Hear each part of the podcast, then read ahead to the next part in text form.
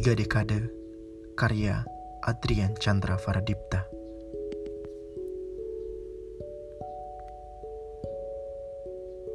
Dia yang lahir dan tumbuh di kota kecil bertemunya dua muara Dari sungai Selabung dan Saka.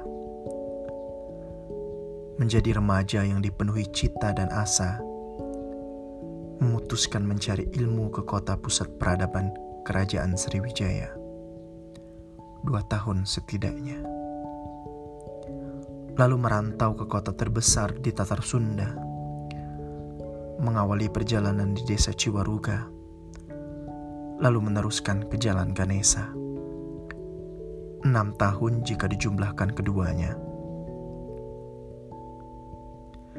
Memang semua adalah rahasia Sang Mahadaya. Tiba-tiba, jalan lain pun terbuka dia mengadu nasib ke ibu kota, tempat bertemunya manusia segala rupa dengan berbagai keunikan dan ragam budaya. Ya, sudah lima tahun dia mengarungi berbagai tantangan dalam dunia kerja. Sekarang, dia setidaknya sudah mulai menemukan makna dari kata bahagia bahagia yang sesungguhnya bersama istri dan anak tercinta disatukan dalam sebuah ikatan abadi yang dinamakan keluarga. Berharap semoga kekal bersama hingga surganya.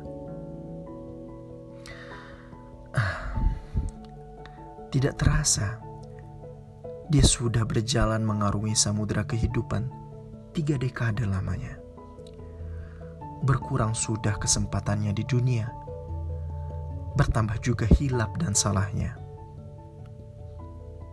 Selama itu pula, dia tentu sering jatuh, namun dia berusaha lebih banyak lagi untuk bangkit. Dia tentu pernah terpuruk, namun dia tak mau selalu tenggelam dalam kelabu.